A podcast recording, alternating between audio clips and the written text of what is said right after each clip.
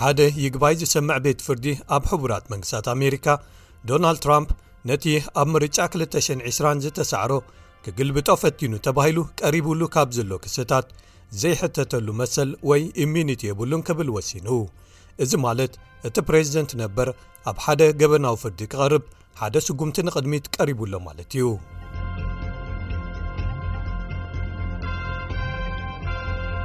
ሓደ ይግባይ ዝሰምዕ ፈደራል ቤት ፍርዲ ኣብ ሕቡራት መንግስታት ኣሜሪካ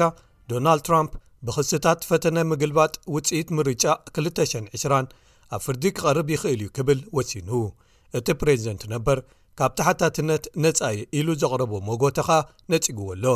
እቲ ሰለስተ ደያኑ ዝሓዘ መጋባያ ትራምፕ እቶም ክስታት ምስ ወግዓዊ ሓላፍነታቱ ከም ፕሬዚደንት ዝተሓሓዙ ብምዃኖም ናብ ፍርዳዊ ተሓታትነት ክቐርብ ኣይክእልን እየ ኢሉ ዘቕረቦ ጥርዓን ነጺግዎ ኣብ ሓደ ዘውጽእዎ መግለጺ ከኣ እቶም ደያኑ ንጥርዓን ወይ መጎተ ሚስተር ትራምፕ ኣይተቐበልዎን። ሓደ ፕሬዚደንት ነቲ ኣዝዩ መሰረታዊ መቋጻጸሪ ልጓም ኣብ ልዕሊ ፈጻሚ ኣካል ዝኾነ ኣፍልጦን ትግባረን ውጽኢታት ምርጫ ከምክን ዝኽእል ገበናት ክፍጽም ዘይተኣደነ ስልጣን ኣለዎ ዝብል መጎተ ፕሬዚደንት ነበር ትራምፕ ክንቅበሎ ኣይንኽእልን ኢና እቲ ፈጻሚ ኣካል ውልቀ ዜጋታት ዘለዎም ናይ ምድማፅን ድምፆም ክቝፀርን መሰላት ክጥሕስ ዘይተኣደነ ስልጣን ኣለዎ ዝብል ዝመስል መርትዖ እውን ክንቅበሎ ኣይኮናን።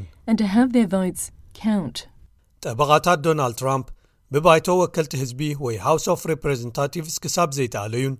ብሰነት ካብ ቤት ፅሕፈቶም ወይ ስልጣኖም ክሳብ ዘይልገሱን ናይ ቀደም ፕሬዝደንታት ሰፋሕቲ ሓለዋታት ሕጊ ክረኽቡ ይግብኦም እዩ። ኣብ ወግዓዊ ሓላፍነት እንከለዉ ንዝፈጸምዎም ተግባራት ብገበን ክሕተቱ ኣይክእሉን እዮም ኢሎም ተማጒቶም። እቶም ደያኑ ግን መጎተ ሚስተር ትራምፕ ንመሰል ካብ ተሓታትነት ነጻ ምዃን ወይ ኢሚዩኒቲ ብዝምልከት መሰረት ዘይብሉ እዩ ይብሉ። ንሕና ስግኣታት ብዛዕባ ህዝባዊ ፖሊሲ ተመልኪትና ብፍላይ ከኣ ብታሪኽናን ቅርጺ መንግስትናን ጎሊሑ ከምዝተረኣየ ኣብዚ ጉዳይ ነቲ ነጻነት ካብ ተሓታትነት ኢሉ ዘቕረቦ መጎተ ክንነጽጎ የገድደና እዩ ኢልና ደምዲምና ኣለና ዶናልድ ትራምፕ ክልተ ግዜ ካብ ስልጣኑ ክወርድ ድምፂ ተዋሂብዎ ወይ ኢምፒችድ ኮይኑ እዩ ግን ኣብ ክልቲኡ እዋን መሻርኽቱ ካብ ሰልፊ ሪፓብሊካን ኣብ ላዕለዋይ ባይቶ ወይ ሰነት ካብዞም ክስታት ነጻ ክገብርዎ እኹል ዝኾነ ድምጺ ሂቦም። ዝሓለፈ ነሓሰ ፍሉይ ኣማኻሪ ወይ ስፐሻል ካውንስል ጃክ ስሚዝ መሰረት ናይቲ ክሲ ብዝርዝር ኣቕሪብዎ ነይሩ።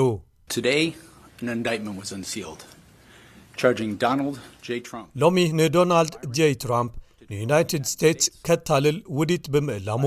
መሰል ኣድመጽቲ ንምትዕንቓፍ ውዲት ብምእላሙን ወግዓዊ መንግስታዊ መስርሕ ከተዓናቕፍ ብምፍታኑን ውዲት ብምእላሙን ብዝብሉ ክስታት ወግዓዊ ናይ ክሲ መዝገብ ተኸፊትሉ ኣሎ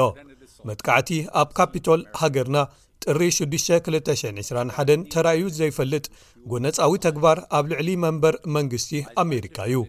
ኣብቲ መዝገብ ክሲ ተገሊጹ ከም ዘሎ እቲ ተግባር ብሓሶታት ዝተጓሃረ እዩ ሓሶታት በቲ ተኸሳሲ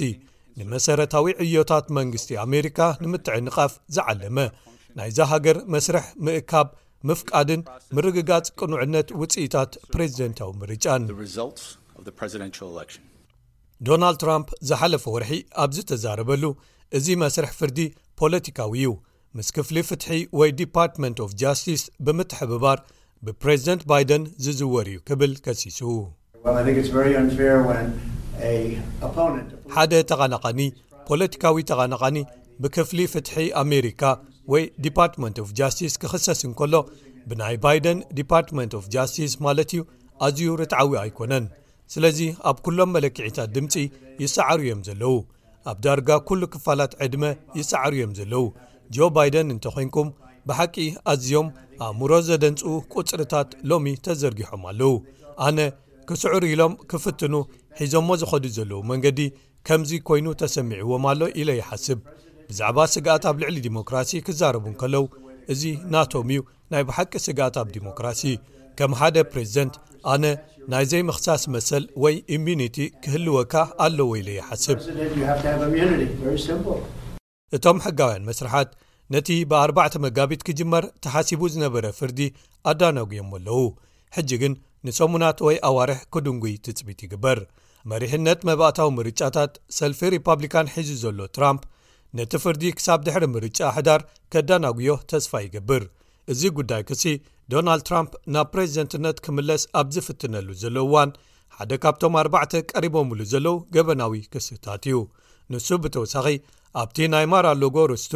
ካብ ሕጊ ወጻኢ ምስጢራውያን ሰነዳት ኣቐሚጡ ተባሂሉ ኣብ ግዝኣት ፍሎሪዳ ፈደራላዊ ክስታት ይጽበይዎ ኣለዉ ኣብ ግዝኣት ጆርጅያ ናይታ ግዝኣት ውጽኢታት ምርጫ 220 ንምግልባጥ ውዲት ብምህላሙ ክኽሰስ እንከሎ ኣብ ኒውዮርክ ከኣ ንተዋሳኢት ጾታዊ ፊልምታት ስቶርሚ ዳንኤልስ መዕበሲ ኣፍ ገንዘብ ብምኽፋሉ